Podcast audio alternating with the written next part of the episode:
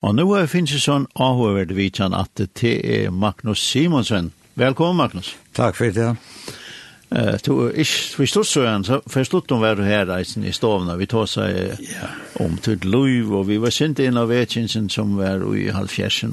Vi kom ikke så, ikke, ikke, ikke så øyne jeg, innan selv var Vetjensen, men du kom som fire Vetjensen til det.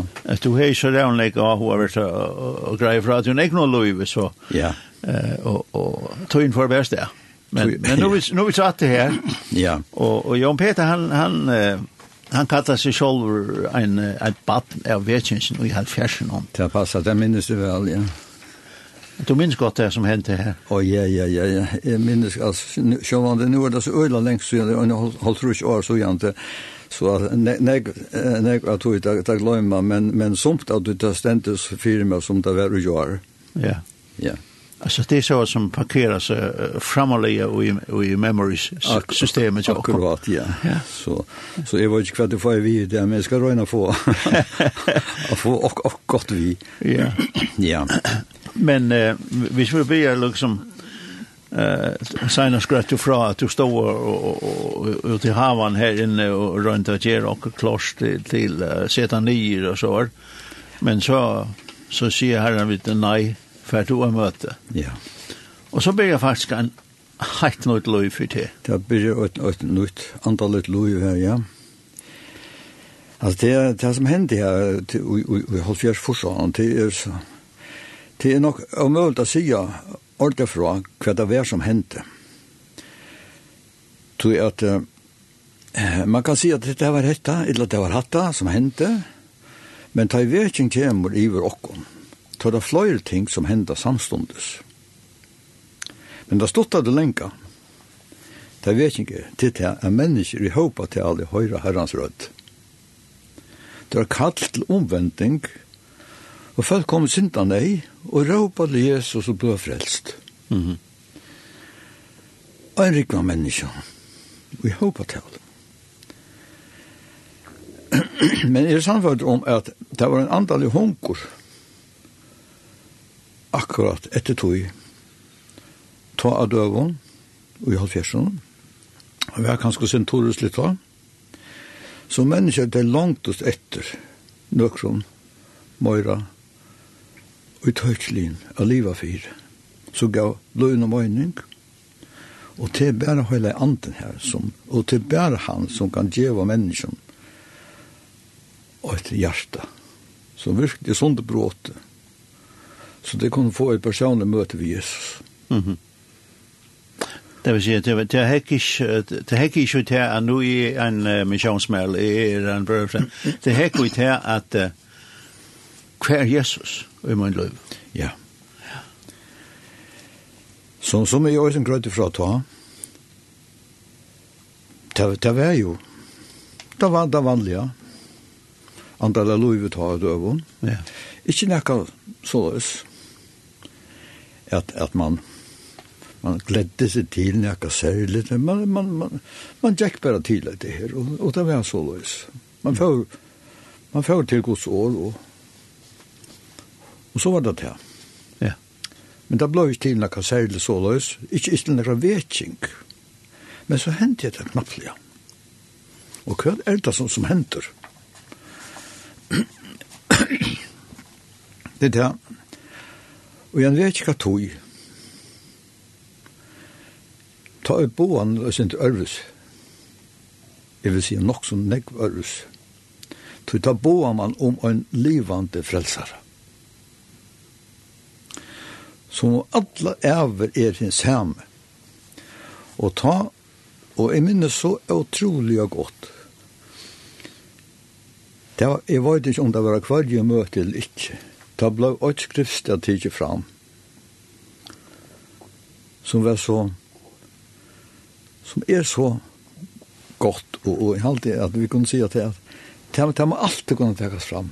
Det er Hebrea brev 13:8.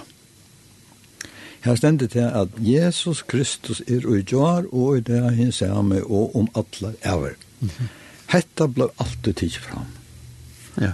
Jeg vil ha en frelsere som aldri brøytest Og så hokser man over til, ja, men, altså hvis han er den samme i det som han var i Joar, og som han var ta i apostlene livet, så får man nok alvorlig å hokse om. Ja. Hetta blåst ikkje fram. Og ta døvun Ja, man hei, man hei ikke selv å synge på seg ut, utan, utan vanliga. Man hei salmabøkene. Onkra sangbøker hei man. Men uh, vi vet ikke hva togjen topla sang uvelen er høyt ørvelse enn det tradisjonella. Tog man, da sang man det gau kaur og latta sanger. Og ein ein ein en slæs sangeren, en som kanskje ødel minnast i det her Han kallas för Kristus i svär. Ja. Yeah. Og han lever så det Kristus i svære til heimsens dår og nei. Kristus kan frelsa ur vant sorg og deg. Spurningar lufsens, nøyva menka mann, tar øyna Kristus, sværa løysa kan. Tøy Kristus i svære til heimsens nei. Ja. Hetta, jeg vet ikke om hetta plass ikke alltid. Nei. Og kvar i mötet, hur kostar han näck på möten? Men det var det, når man sang at jeg så var det lukket som en slæsang, eller... Det var, dette var lukka som... Hatt av et teater, det er så. En slags antall nasjonalsang, kan man säga. En proklamasjon. En proklamasjon, ja. Ja, Hetta det. ja. Jag tror at tar man hikker rundt om sig. Ett ett kvad för kvad för fram og och och och i världen Så ser man disse forferdelige nøyene som mennesker er ui. Mm. og øyne ørenslige, bære likamlige og antallige, kvalige, ja. alt. Og så var man det Christ, Jesus Kristus, ja. Da man hikker etter hånden, leser om det som han gjør det. Alt et ondt som hendte her. Det han møtte menneskene, hjelte dem. og ødelig møvelen problemet de hadde. Mm så må man säga litt her, Kristus. Han är svär. Ja. Det var ikke sån uh, god teologisk undervisning. Nej. Det, det var inte det. Det var fokus på... Överhuvud, ikke vi teologisk undervisning att göra. Nej. Och tror jag att onkel jeg ganska helt och hon att att det var så operfekt som det som ble sagt teologiskt så det kan gott vara. Det är möjligt. Ja.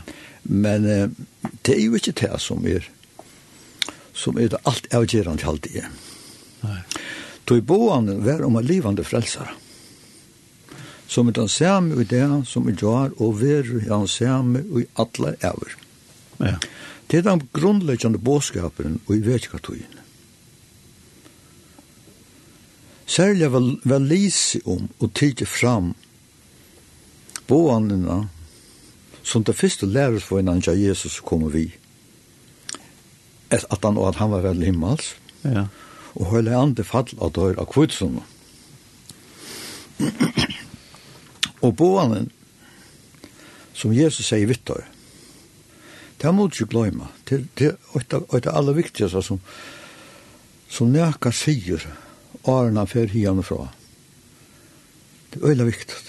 Jesus sier vi sina lærersvenner, halde dikkon kvirrar. Og i sted einon, inntil tid vi uikladde kraft fra de hova, tog jeg skal senda fyrir i åttan fjæger som hans ivet dikkon. Og så ser han også på en annan måte som det stendt i apostlasøvne, hadde her som vi lest det stendt i Lukas 24, vers 24, hva Jesus lover at djeva lærersvane kraft. Mm. Og Lukas Arna fyrir himmel så sier han, vittar, til skulle få kraft av høyla av andre kjem utekom. Og til skulle være vittne møyne bæg i Jerusalem og i allar Judeo og Samario og loika til ytst og endamark av gjørene. Og her hugsi alltid, øysen til førjar. Ja. Ja. Men det vil si, hva man synte eisen her, at, at man, man bojer et heilig antal skulle komme? Ja. Ja tar bo jag och vi jag vi vi vi vi som har läst oss inte bo i plan vi vet av hur så lärs vad det var tar var så bepparatter och tar var så Ja, det var så som vi kanske mänkan ner i vi och snir. Mhm.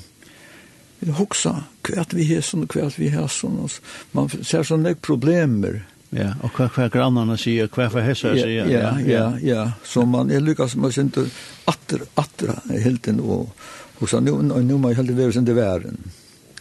Det var torrösene, det var så bepparatter och som i vavost sent torrösene. Och tror jag det Jesus säger att han nytta det kan ont. Affärer det kan ägna kraft ut. Det må boja in till hela anden som i kon. Ta skulle vara. Ja. Och ta skulle vara min vittne. Och det, ja, det är så stort att läsa om det här. Ja. Det er virkelig stort litt. Og tar vi så hikke et, etter okkar ekne og tingene her i fergen og det som her er hent. Da kan man sige, ja, vi har også opplevd det samme i fergen. men er ivis unga løt ui at menneske føringar oppe i jøkken togjenar har haft det så som oppleving. At hele anden kom livet ut her. Ja. Og så det hendte apostelen og kvitsen. Og jeg kom i øyne tankar om mengan om om, om, om eh, nekvar salvajar godstjänare i landet som har uppleva men nek, nek underfull ting og uppleva Guds kraft i visär og, og, og, og alle tog som hendte tøymon av sjøvn og kanskje, der har vært nei, og der har røpt til god. og er stilt, og sjekven leie seg. Det har jo en agav mann, og en, en eldre mann, tala om det her, at han var ui nei, og båten var vi at affærast og ildvekse. Og da sier jeg, da røst jeg som jeg har, så jeg hørte han vittne om at og en møte. Han sier, jeg røste meg opp. Og høtte i møte elvegnen, og sier, legg det. Og kjekker en leies. Tog det var en bråta kjekk for framman, og han visste til at kom høtta en bråta kjekk og den baten. Så bør det ikke bo i boi. Mm -hmm. Men under hentet Og så har jeg hørt mange vittnesbord. Så her var røysen. ja. Ja. Vi har også hørt, hørt mengt. Men und, underfodla vittnesbord. røysen i følgen. Så hette er ikke noe utkjent røysen. Nei. Det er det ikke. Men det er så alt områdende å være fyllt av i høyla andan. Hvordan opplevde du det? var fyllt vi hele andan. Ja.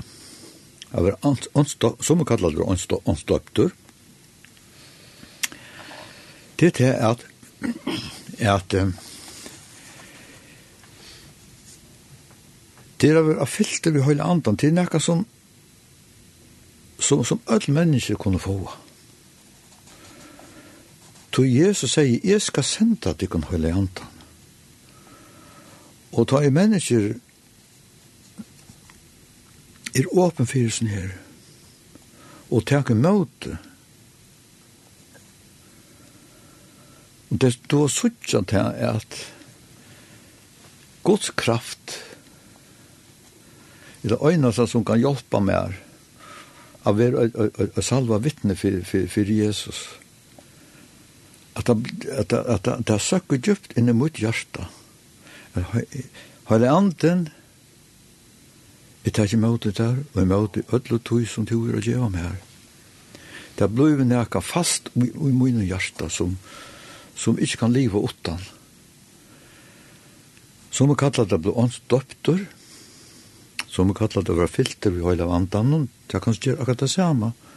Det er større om til det høyla anden, han teker med, jeg tar ikke, og jeg møte høyla andan, i høyla andan vil være åkt. Hetta er etle gammalt. Og til det som hendte i apostelsøvn til dømes, her som lærer for en av og alle andan. Og dette brøyter okkur fullkomlige fra at vera nekker beppa ratter, lærer sånner, til nekker frumøvuja personer som ikkje smedast, ikkje øttast, vi reast ikkje. Lykka mykje kvest endur av, vil at det er søkne koma. Det gjør det ikke. Det koster det om å sjåvand alt. Og det er jo til å lese om, lese noe til det, men så vidt jeg vet at det koster det om løyve til enda. John Ekman av dem. Ja. Ja, det er hva det var. Skal vi spela et lær? Du, du valgte okkur Janne. Ja. Ja. Skåparnas systeren var det enn jeg særligt. Ja du kan tomte her?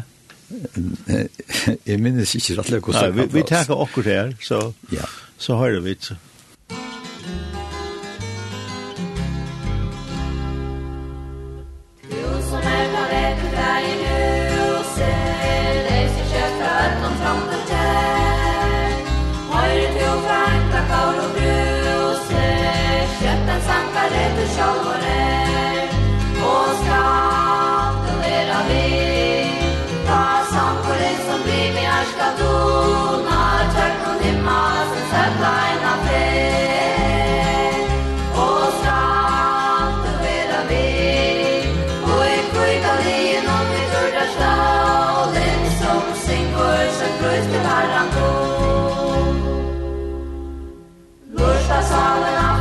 falhar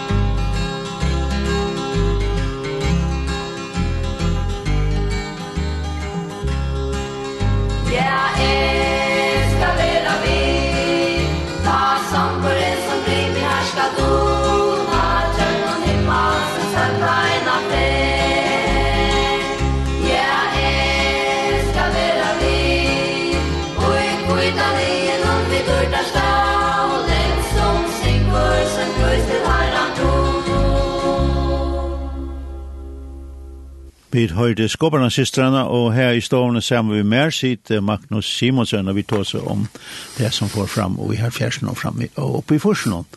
Eh, du tar som om åndstov, Magnus. Ja. Eh, hvor stor tuttning det er for det personlige døysen? Ja, absolutt, ja. Ja, Da endte vi okkon, ja. Okkar familie i Øysene. Jeg vil si at det er alt som ser meg disse vekingene. Man kan godt kalla det en familievekking òsene. Å oh, ja.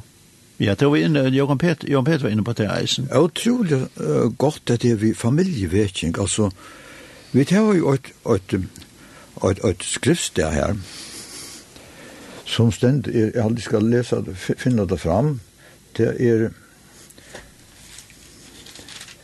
og ja, Malakias. Ja. Det er det sørste verset i tog bøtjen som Malakia skriver. Han sier til ham, han skal snikva gjørst om fedrane at bøtna noen, og gjørst om bøtnane at fedrane. Mm -hmm. Til tess at ikke skal komme og slå landet vid deg av Oslo. Ja. Altså snikva gjørst om fedrane at bøtnane, og gjørst om bøtnane at fedrane. Altså det er så utrolig viktig at at bøtnane kommer vi, Og i apostlasøvene, her kan du lese om ta Paulus og Silas var her, og, og fengar voktene spiritøy, hva skal de gjøre for å bli frelst? Og ta er det han sier, trygg på Herren Jesus, og to, og hus tutt skal være frelst. Ja, ja. Jeg hadde hatt det så utrolig godt at det er. Ja. To og hus tutt skal være frelst. Ja, men hva er det bedre? enn at huset, alt huset vil frelst. Og det var det som hendte til åkken. Bøttene til åkken, det var ikke, ikke vaksen. Det var jo ja jeg kan ikke så jeg har fått åtte trus ja, så, så, så han var en smådronk så han var en smådronk og Sikri var 12 år gammel 12 år gammel og Annika 15 Og ja, de var vi på en av veien. Ja. Da vi så hva, hva det vi hadde opplivet, og vi hva du, hva du, okkara framtøyar andalige kaos vær, ja, men så var det vi på en av veien. Og det som hendte her, det var, det var fantastisk, altså. Ja, det kan du komme, komme inn på om en liten løte om. Ja. Men det som så hender her, Det er en revolusjon og, og bare okra personlige løyve og ikke han nekk for nekk for mennesken her, her og løy. Ja, her, her, her kommer med over inn, jeg, jeg kan bare nevne det forstått løygar. her kommer med over inn som dom, domte vel litt av at det slei og alt det der forskjellene. Jeg synes det vittler ut og Og jeg sier så vi han til, nu, nu, nu, nu skal du komme og møte vi og bli frelster ja, jeg har akkurat bestilt en kassa, jeg skal lyka, lyka drekka til fisk, så, så, og ta i feligjord, så skulle vi bare fære ut, og så frelsa vi høyla lortet. så det sier jeg. Men, godt sagt du på en måte. ok, jo jo. Men, det som så hendte, det var det at han helt år. Ja. Han ble frelstor. at han må, han, han er drukket som kassa, kassa som han er bestilt nirifra. Han kom av møte, han ble frelstor, og det første møtene som vi hildo oppe i Høyvgarskola. Jeg sier det. Ja. ja. Fantastisk. Ja, det må man säga. Ja. Så så ordentligt du säger vi han, det bränt sig fast och han slapp spä av det så snart hon går. Jo, jo. Vi vi vi var roer beste vin en en där det ja. Det det märkt märkt så undan man man är ösnen. Uppleva Vi da ösen vill vi la be og utrolig när kom mennesken. Ösen för mennesken som har hav kjenning og er det konstigt att. Det kan man gott bliva, självt om man självt om man ja ja på en eller annen måte har rosat sig eller hva man kan, kan ha gjort. Så kunne mennesker komme sin til deg og bli frelst. Og det har vi da også opplevd flere ferier. Utan å nevne noen navn til abjøs ikke gjøre. Men det som hendte da, det var det at vi hadde jo ikke, vi hadde jo ikke noen, noen høl. Så vi, vi drømte bare for vi holdt vi noen vekinger møter. Mm og løy av skolan her oppe i Høyvøk, til vekkinga møter. Og det var bare vekkinga møter. Vi hadde ikke nekrar nekrar undervisning på nekrar måte her. Det var, det var vekkinga møter, og vi bøy talarar ur öllum fyrjo Det var ikke vi sjolver, det hadde vi ganske øysende, øysende, øysende, år vi kvart, ja, men Men i behöver var det tälare imsastjande ur förjon som som vi behöver komma. Som tälare som vi visste då. Åtta Guds åtta åt vi och visar det var salva vi höll andan. Og det var bare vittnebøter. Og det var alltid givet frukt av hverjum møte. Og av öllum møtum var bjøva fram til forbøn og til frelse det var lykka som høvus linjan ui vekika møtum. Men alt som jeg halte, jeg skal lykka nevna til det at vi høyde alltid en fyrrøyking til disse møtene. Altid. Og fyrrøyking var vi bøn og forbøn for ødlan tøyne som skulle lovteka av møtene.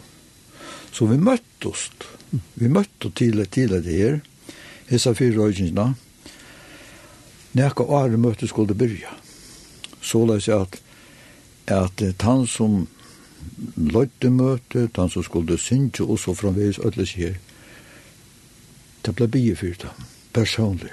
Ja. Så løs at man visste til at man, hette var noe som man ikke skulle teka, ja, bare noe skulle hente, men det skulle være under andans løsland. og av det samme. Da i år var det frukt, da var det veldig større frumøv til folk. Og jeg synes jeg tar en som, som, som løyte møte. Frumøv var veldig størst. Man var ikke bensje for noen som helst og tog var det man, man fikk sitt motstøv, og som hilde ganske det, man var for vittler og, og alt det der, anker snakket om, man gikk, man gikk opp etter vekken opp under loften, og man pura garvittler, men altså, Tina Tina kat tvalt sjå man det. Här händer nog kvar för vetchinga så är det. Ja. Och här om bei ett anna. Ja, ja, ja. Men vi går så ser det som hände við vi var så spent. Vi var verkligen spent. Hverja er vi øynaste fer og møte skulle være. Ja. Så bau vi fyrir nere og vi hoksa av hver kommer nå vi i kvöld? Ja, og man bjør folk vi, eisen vil sagt. Ja, ja, ja, ja. Vi bjør ja. folk vi, ja, ja. Og vi sendte innbjøring ut i hvert hus. Skrivelig innbjøring. Personlig innbjøring. Verska og her er det var en innbjøring av skrive. Så da starta vi. Ja öll husene. De, de fleste tog vel med utgjesen her. Onko var ikke så glad for det. Men, ok. Bygde var ikke så stor som det nu. Det var han ikke. Nei, det må hun da. Det må hun da, ja. Men vi var virkelig spent for hver møte. Hver nå måtte bli frelster. Tog at vi visste at Guds ante var i løslene. Og i øtlund tog som hendte her. Mm Og vi visste til, vi ville, vi ville gjøre det så det som anden løyte møte. Og det var ikke hessa he veldig talene man helt. Men det man var løyter av andan. Så det som møtet skulle føre fram. Mm. Og nekker av sånne talerne som vi bør av. Ta kom fra ødelen landene. Og Sore. Jeg kan ikke leta være å nevne åtte navn. Det er kjelt å nevne det, men Jens Vestergaard, han var fantastisk. Ja. Pappa til nuværende Jakob Vestergaard. Han var fantastisk med over. Han var lykka som um, en slags uh, undangang med over for soringene. Da kom ofta når hentet vi inn til her møte. Ja. Og, Vi så hørte vi möter och hørte vi talar av stånd, og vi hørte talar av ur vavon, ja, alla stannar ju följer. Sangbölkar, sangbölkar var alt vi. Ja, nu har du skåparna systeren, det var ena tema. Ja, ja, ja. og det var ströntjakår alt vi, da. Og, og det kunne også være ønskjøkje sankarar ur ötlen øtlen ut, for vi har haft nekka gode sankarar Ja. Ja, jeg tar ikke på en som vi kallar for Silje og Anders og... Ja, og... Jo, en kjennestove. Ja, jo, en innestov passer, ja. Ja. Ja. ja. Han er god rødt. Han er jo fantastisk rødt, så, så han kan skal du løyta fram og østen, ja. Ja. Jo, en kjennestov kan skal vi finne han? Ja, ja. Ja. hatt var sin ikke å møte den her, ja. Ja. Og så och, och vet ikke vet inte hur hög där kunne vi komma till nu kanskje. Ja. Alltså titta det blir mer eh det blir bättre dans så sån bølger och i Klaksvik och in i Östergötland och i Havn och i Vavn. Ja. Som lukkar som står sammen om att att hålla vetsinga möte. Ja. Och det blir så i Fisteforsen. Fisteforsen, ja. Ja. Ja, først for, jeg det var vet ikke om møten, ja, det var, det var, hvis jeg minnes, så var, så var det først i februar, nå ikke hun og en fors. Ok. Ja, møtene i Høyvgar skolen. Ja. Men eh, det som jeg tenkte på, det var å komme og synde på, inne på et her, det som hendte i privata. Ja. Det hadde jeg utrolig interessant. Det er, det er som, som jeg sier, vi tar, vi tar ikke høl. Og, og det var ikke antall virksomhet Og i Høyvøk. Iver høv ikke som helst. Jeg var ikke kyrkje, jeg var ikke nett. Ikke kyrkje. Her var en sondagsskole. og et øyde en sondagsskole. Og jeg hjalp det sendte til i sondagsskolen her, og det gjør det dødsene ikke åkne øsene. Men Jeg tror at han ikke var her, så, så sam, måtte folk samlas i privathus. Og det var ofta til, til det var særlig alle bønamøter. Tog bønamøtene var jo en berande faktor i, i ødlandisen her. Som jeg nevnte i Øysten Johan, at møtene skulle være så høyde bønamøte i Arjen, og vi var overfyrt hvem som var, var aktive her. Og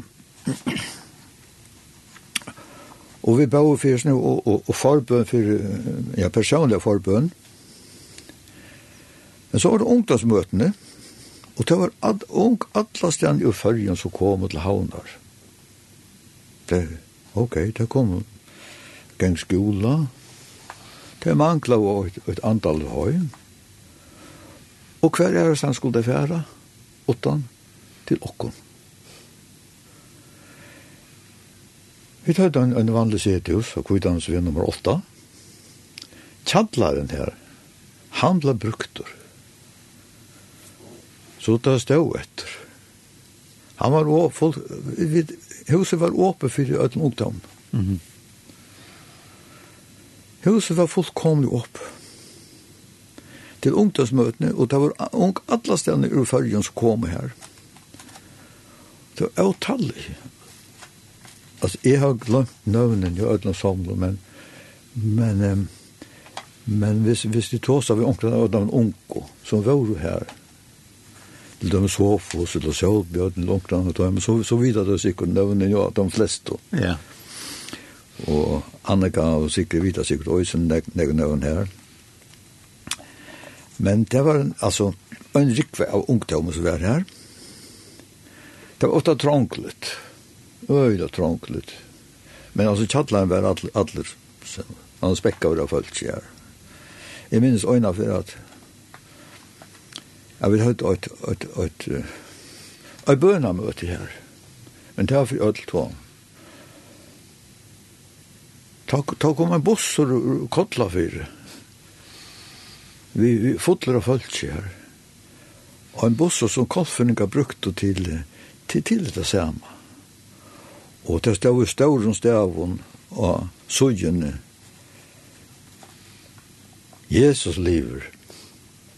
Ja, han parkerar ju utanför här, han står utanför här. Men känner jag, kan jag frysa här? Ja, så också, fast ganska kvart äta som fyra gånger där. Nu kan vi inte, men fantastiskt. Och i halde vid våra forsfolk i Tjattlaren, till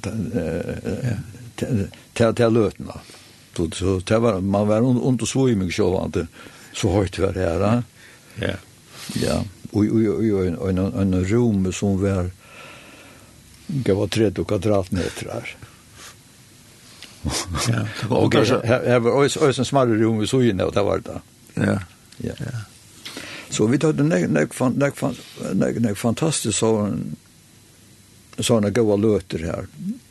Kan jag samla oss ja. Men det ble så en samkomme, faktisk, eller um, det enda vi ble en samkomme i, i Høyvik. Kan man säga det? Det var det lunch. Det var det lunch, ja. Det var det lunch. Det var det hoksa vi slett ikke om det. Nei. Vi behøver ikke. Det var ikke det vilt. Nei. Nei. Vi hoksa bare om at mennesker skulle være frelst. Ja. Og ikke, ikke mer. Nei. Vi hoksa ikke om at det er stående eller samkommet. Det kom ikke tankar om oss. Og så må vi bare til det møte det var vetsingar rørsle. Det var vekingar rørsla, ja. Ja, ja. Ja, ja jeg var ikke ganske vidt. Så her funnet Jørgen Sindsdover? Spela okkur. Spela okkur.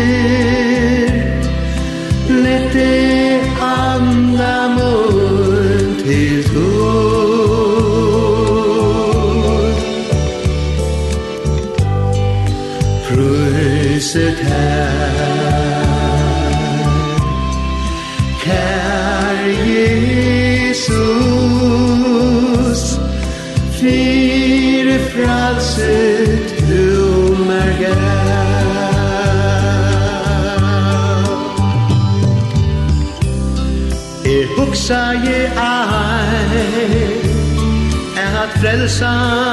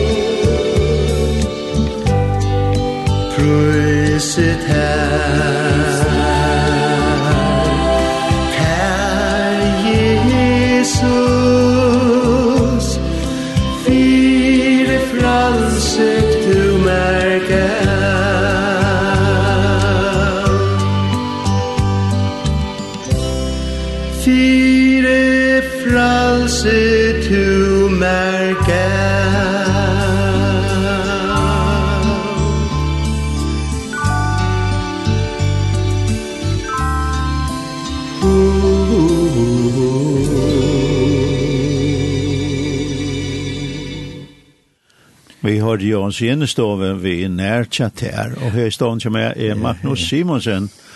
Och vi där kommer till i samband vid Vetsing fjärsen. og först har vi kommet till att det saunast og i Uh, det är som sagt när vi blev oaserna tillsammans, ett vetsingamöte faktiskt i skolan i Høyvøk. Ja. ja.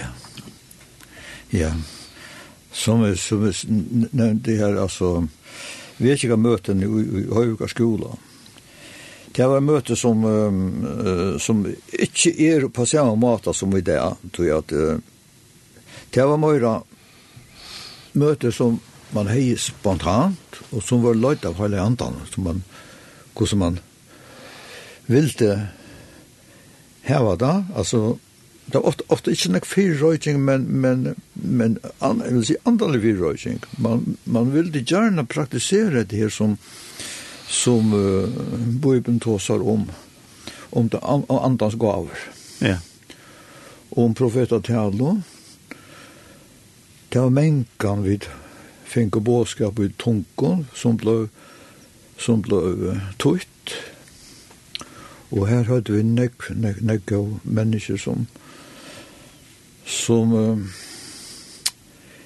ja, som hjalp dere opp, opp at hammaten. Og det ble alltid tutt. Jeg kan ikke lette å være å nevne åtte navn. Mm. Det er Maja Dalskar. Maja Dalskar, ja. ja.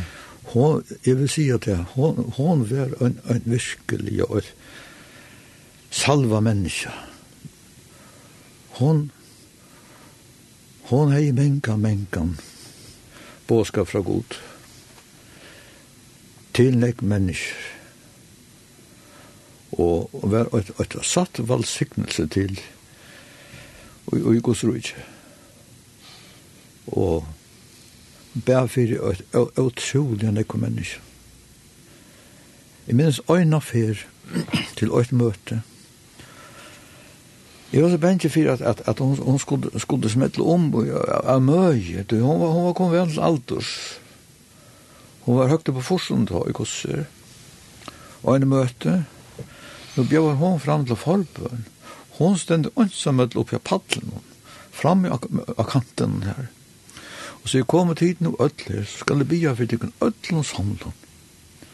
Vi får så ødelsommet, og en rikva, jeg var ikke hos nek mennesker, det var høyt nek. Og hun bia for hver jo øynast av mennesker, og hei båskap til hvert øynast av mennesker øyne. Hun stod her, hugsa mig så, du måste vara otrolig och trött. Men hon stod här i, i andans kraft, så hon, den väldiga kämpan hon var. Mm. og så läs har vi som det andra människor som har som har vært så, sån virkeliga andans kämpar i, i Guds rujt, i mittlen och Det er ikke, er, er, er lengt, lengt siden vi er nye, Jeg har meg ikke Jesu. Men, men at det var noe, noe dømer om hva det var som hendte. Og hvordan vi opplevde det her. Det var en fantastisk tog, vil jeg si. Ja. Og nek, nek kom til trygg. Det, det, jeg vil si at jeg, at hver øyneste møte, ja. kom omkring vi. Det er alt jeg kan si, Ja Og jeg det, det, det som jeg minnest. Da vi var så spent, hva kommer det vi i kvöld? Ja. Hetta var det som, som vi levde og døg i fyr. Men så hendte det, som vi sier, det unge kom vi Øsne. Og her var en fantastisk ungdomsbalkar. Ung fra 12 år aldri opp etter. Og de lærte seg å spille gitarra jeg har alltid vært kjøpt noen gitter til det i husen. og trommer, jeg og Andreas vet han første som spalte trommer og i, i, i husen her, her, her i havn. Han kjøpte seg trommer. Han var utan hans øysene og kjøpte seg tilfell. Det var ikke noe få i følgen til så skvalna det var hva det er annars øyta. Nei. Jeg mig skulle slå. det var slags tidlig før. så det var det var öliga spennende. Vi vi vi vi trummon to av døven. Og gittara. jeg minnes øyne for vi får til å møte i Vestmala. Kanskje litt av vi har nämnt det här. Det var jeg vet ikke om ett møte i Västmanland. Jeg var ikke sånn det var jo litt eller ute av det høyt, det minnes ikke rett og slett. Men hvordan er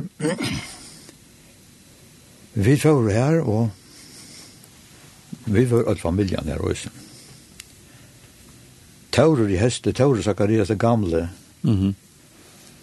papet til Eion, han løyte møtet da, i, i Vestmanna. En fantastisk, en fantastisk medver. Mm han mynte nek om disse gamle patriarkene. så ser man vi, vi, vi stod med bø og alle disse gamle, det var herlige år der. Og så, ok, møter Jack så, som vanligt, Thomas Jol var her og alt det der på kjønn, ja. Så sier Tauri hesten, da, nå får jeg enda møte. Nå knappt, ja. Nå kommer en tølv år og kommer jenta opp vi gittara. Men så ikke når det sikres kommer. Vi gittara. Og vi, og, og, og, og, vi, vi vi har en vittnesbord. Det var om en en dronjen som, som, som ikke ville djeva, djeva så løy løyvlig Jesus, han ville bare utsette at enten han ble gamma med og det var Ja, ja. Alt den vittnesborden jeg har glemt hvordan jeg men men hun fortalte jo om alt det her forskjellige. Ja og så spalte hun med gittara. Tølv år Og Jeg var ikke et eget torst. Nei. Og som jeg det var fantastisk. Vi visste ikke om det her. Anna hadde ikke. Hun kommer her og tralla ved gittaren og, og synker som bøyde ikke kvært. Tølv år kom, og hun sa møtt. Og jeg vet ikke hva møtt. Ja. Men hatt av hver ungdommen til å ha døv så frymå høyde det. Fantastisk frymå. Ja, ikke nær marskøy til. Altså, jeg, var, jeg var ikke så slutt kunne hente det. Jeg hørte folk hadde blitt sjokkeret. Og, ja, ja, vel, hatt, hatt det var så, det så størst til ungdomsbølgen. Ungdomsbølgeren. Det ble, det var altså en en rikve av onkon som samla oss, og ja, hva skulle det gjøre? Det slå ikke inn noen ærestene. Det hette var noe farlig noe som, som vi ikke her. Det kunne det ikke hava ærestene. Og tog jeg at Uh, som, som, som, som kanske öll vita, det var inte inte så väl mot inte alla stjärnor Det var det ikke. Og särskilt inte in inn, innenfor uh, der høve där Vi vil ikke nämna noen. Men ærestene var det och ungdomen tog väl emot imot sån här och de var, de, de, de samlade oss opp, Og de måtte så finne på akkurat hva de skulle gjøre. Jo, de funnet på det at de skulle røysa rundt førre land. De fører så, altså, ønting, hun pura spontant. De samlast hvert øyneste høskfølt til ungdomsmøter, til, til, til, til vittnebøtene nere vaklen. Hvert kvöld, hvert høskfølt, og i fløyre og arv hvert høstkvöld til møten i avaklen. Hette ungdomsbalken sjolv, som de funnet på det sjálf. Det var ikke vi som sa det ut det.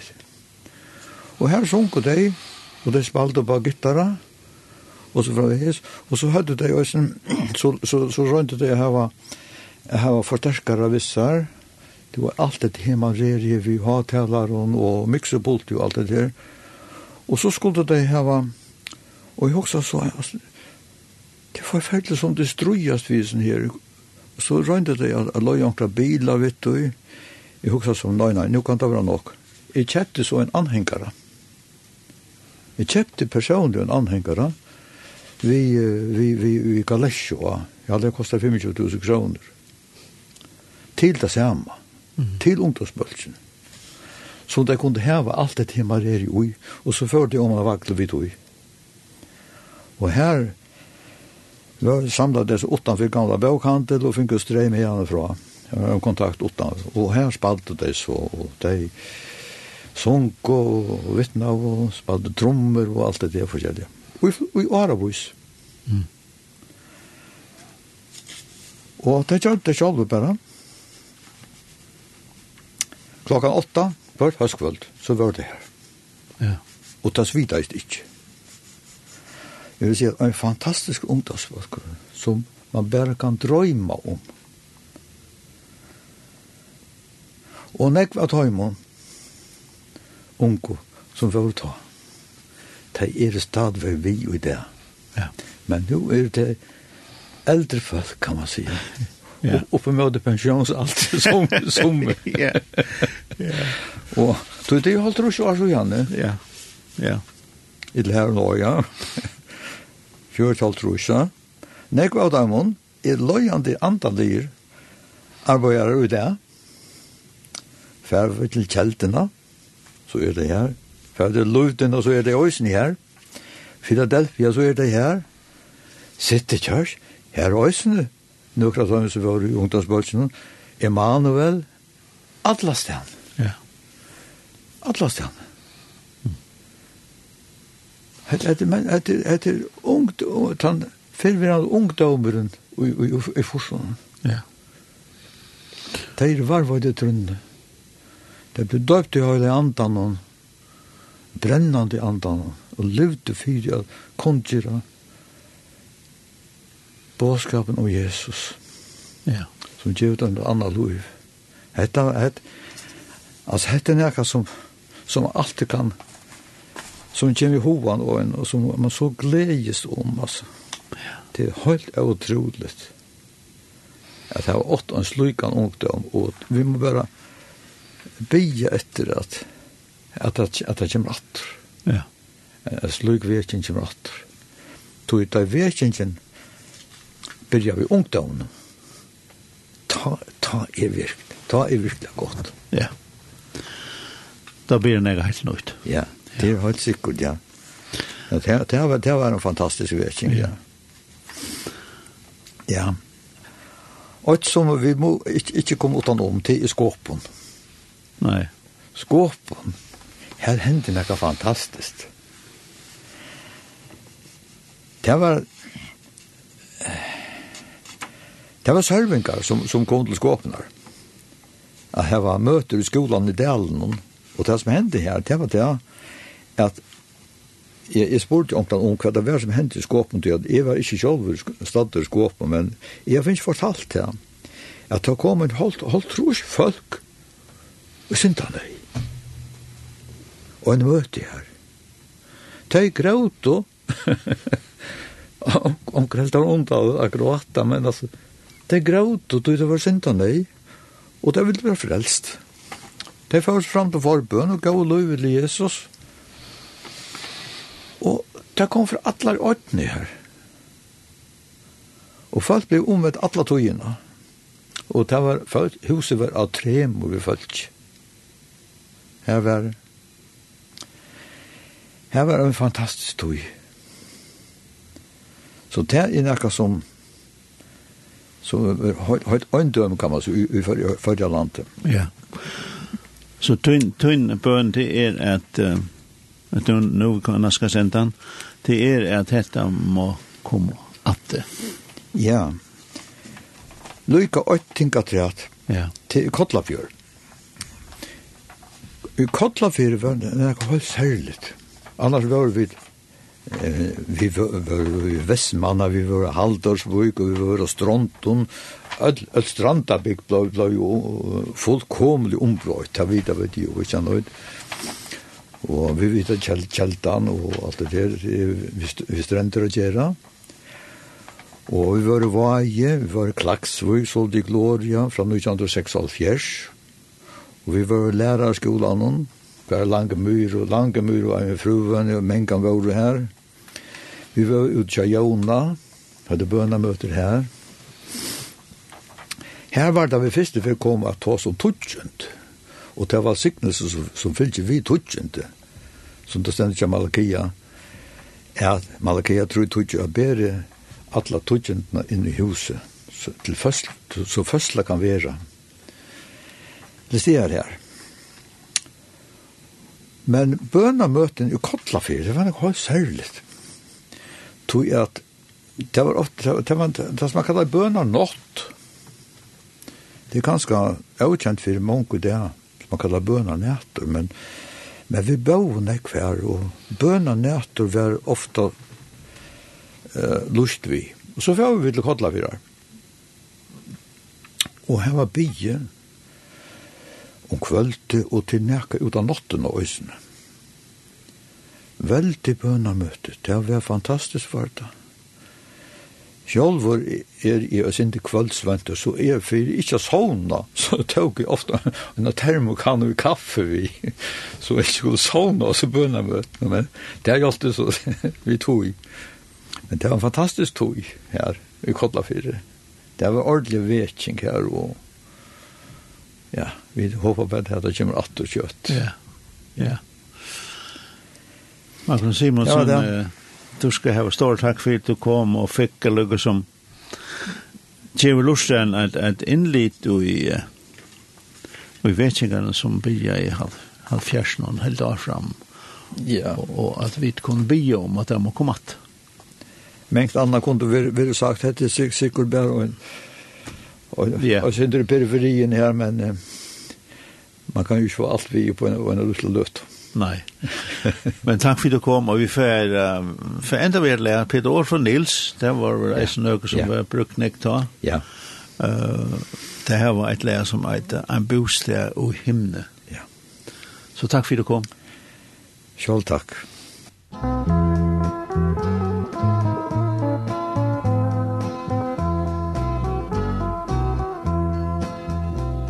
Ein bostad handan allar stjørnur eia tu og i som Jesus Kristus nu til eier til. Og ta så han er tilkjördur vi glede flit i ja kvönda er sin tanke frøyer med. Ja, kjøtt kom i her, vær Jesus bojar mer, til heime som om jeg vil vera skjell. När vi i vörtron sälon og i kviton klävon ta Vers bleje støye er i honom tjar Vi danske skull og gjalda her, nei, alt er frukt og godt Så Jesus Kristus hever alt betalt Og her ein neka miskur ræver innan himna godt Guds kærleikje han løyser iver alt Ja, sjøtte kom i her. Der Jesus bojar mer Til heime som om over vera skæl Her er jo i vøkron sælen og i kvitom tævon ta. Vers pleie støye er i hånden tja I öttest omga sjuk og er hon omga et gong fær. Ei heldur synd og deg sleppa inn Ta i ein av nøye fyre trunon og skal stå. Ei renna meire tar mer kinnon å. Ja, kjøtte kom i her Der Jesus bojar mer. Til heime som om jeg vil vera skær. Her i og i vøkron sælen og i kvikom klævon ta Vers greie støye er i hånden tjån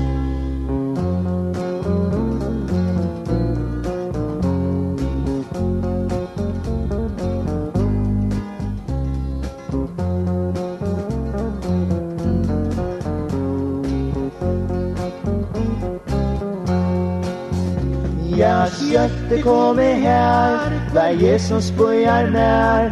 Til heime som om jeg vil vera skær.